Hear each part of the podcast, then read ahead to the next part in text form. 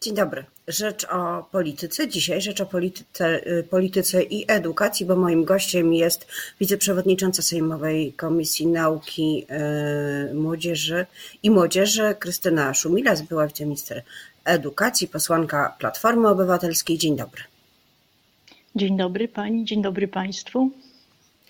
Wczoraj zakomunikowano decyzję o tym, że dzieci z klas 1-3 po 18 stycznia, czyli po końcu tych przyspieszonych, jednakowych dla wszystkich ferii, będą e, mieć lekcje w szkołach. Będzie to nauka stacjonarna. E, co do reszty uczniów niewiele się zmienia, właściwie nic. Czy to jest dobra decyzja e, na początek, czy trzeba było jeszcze poczekać, a może rozszerzyć tę, tę naukę stacjonarną? Jakie jest Pani zdanie?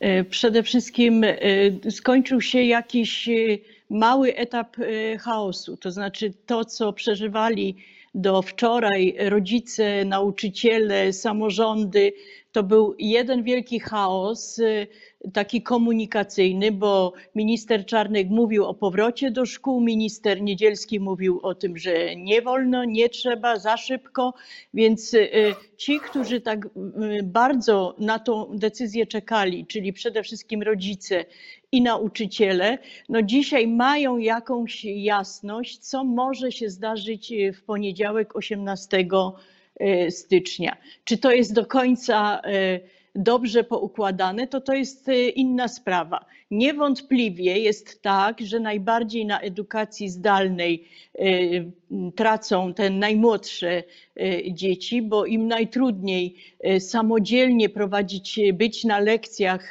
takich zdalnych i im najbardziej jest potrzebny kontakt z nauczycielem i z innymi dziećmi, z rówieśnikami, bo przecież w tym okresie uczą się pracy w grupie, uczą się respektować pewne zasady, uczą się pomagać y, innym i to jest bardzo ważne, żeby ten kontakt miały. Natomiast y, czy to zostało dobrze przygotowane i czy to jest odpowiedni moment na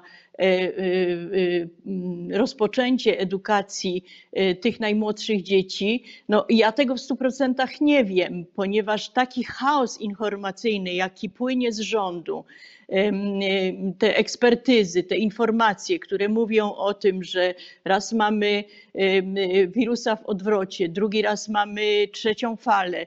E, to wszystko powoduje, że właściwie my, jako obywatele, e, już nie wierzymy temu rządowi, nie wierzymy w to, co on mówi, i bez względu na decyzję, jaką ten rząd e, podejmie, mamy wątpliwości co do rzetelności przekazywania danych, rzetelności przekazywania informacji i rzetelności podstaw takiej, takiej decyzji. Ja, jako nauczyciel,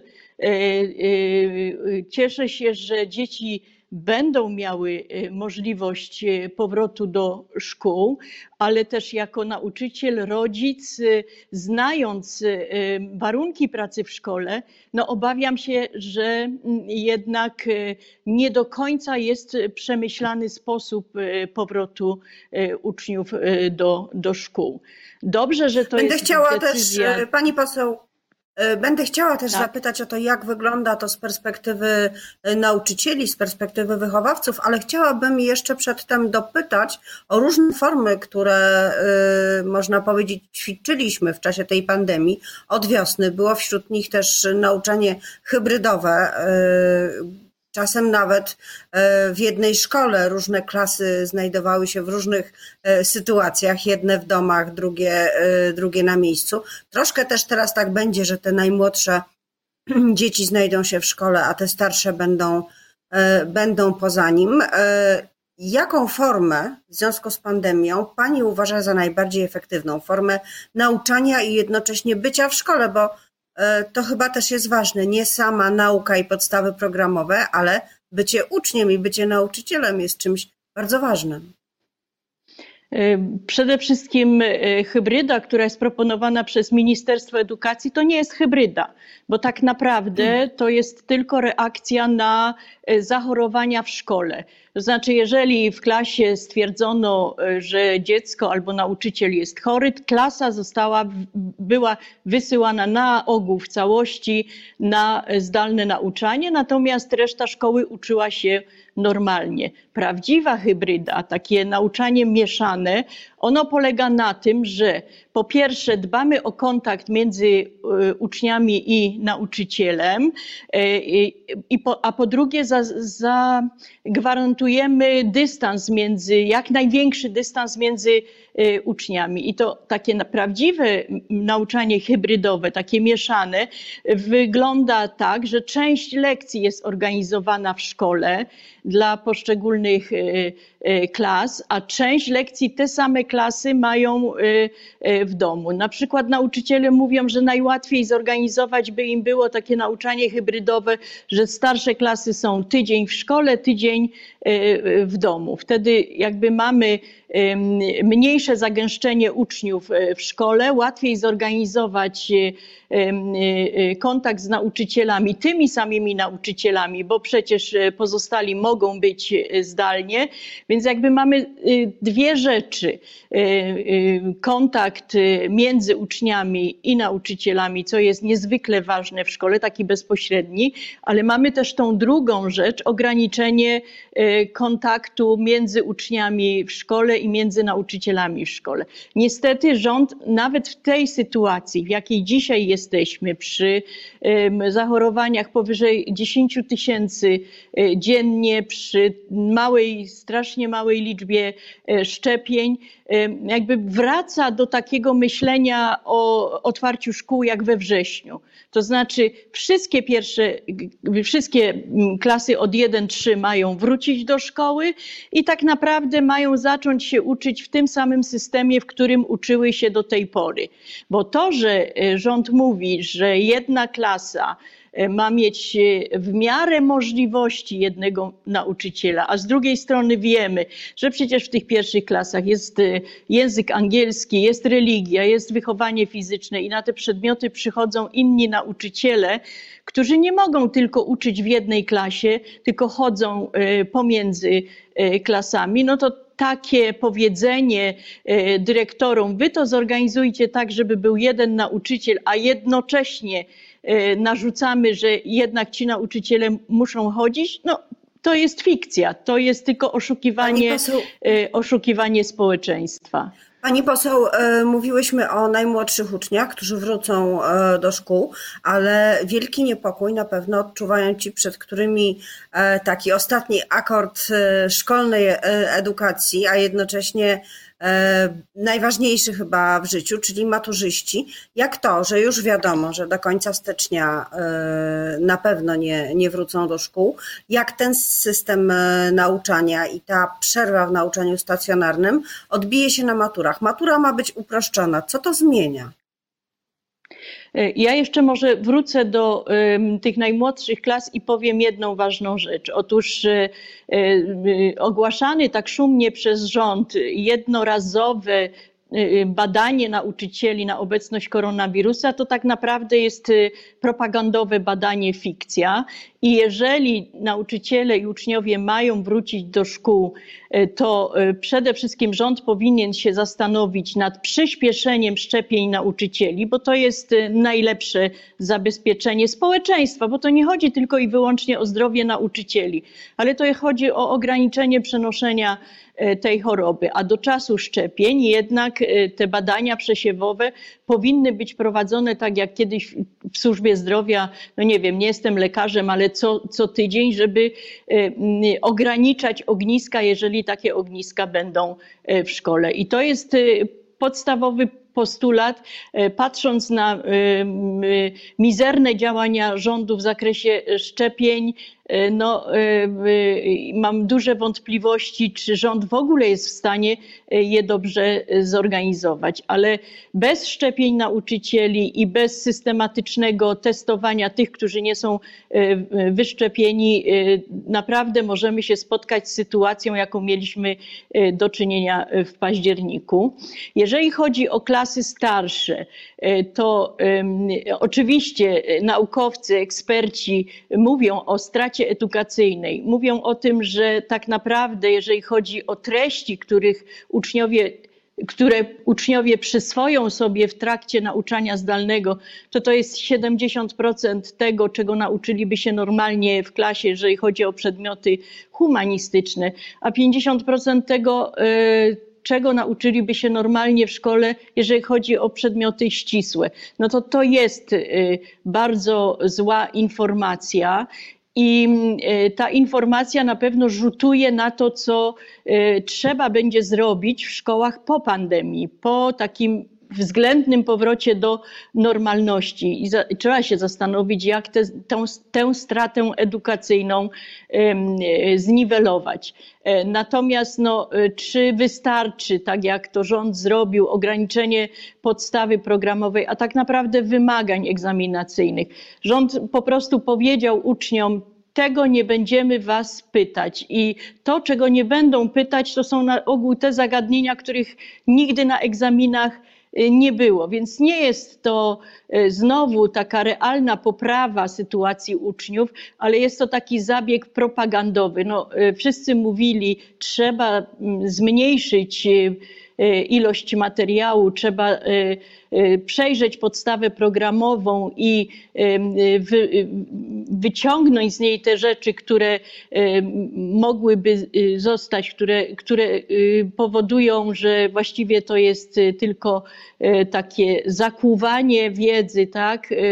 Są pewne wiadomości, które można przeczytać w słowniku, w encyklopedii, w internecie, znaleźć interpretacje, więc pewne, pewne rzeczy można by było z podstawy programowej po prostu usunąć, tym bardziej, że podstawa programowa pani minister Zalewskiej, bo taka dzisiaj jest w szkołach, jest y, bardzo y, przeładowana i o tym mówią i nauczyciele, i rodzice, i sami uczniowie od bardzo, bardzo, bardzo dawna. To, co na pewno powinien zrobić rząd, to zastanowić się nad pomocą tym uczniom, którzy zdają egzaminy. To jest ósma klasa i i matura, no i, i, i zorganizować jednak specjalne zajęcia dla tych uczniów. My słyszeliśmy no właśnie, w, w, list, poseł, w sierpniu, tak. Tak? Właśnie o to chciałam zapytać, dlatego że wiadomo, że w innych krajach, które też są mocno dotknięte pandemią, takie zajęcia wyrównawcze czasem też rozwiązują nie tylko problem z brakami w edukacji, E, ale także z pracą dla nauczycieli, bo, bo e, dzięki temu e, państwo jest w stanie i zapłacić za dodatkowe godziny i, i, i zorganizować w inny sposób w ogóle sam proces nauczania w tych okresach, kiedy do szkoły można wrócić, bo jak sama pani mówiła, nie wiadomo, czy nie będzie trzeciej fali mimo szczepień. Jakby takie zajęcia, jak takie zajęcia powinny być zorganizowane? Co to powinno być?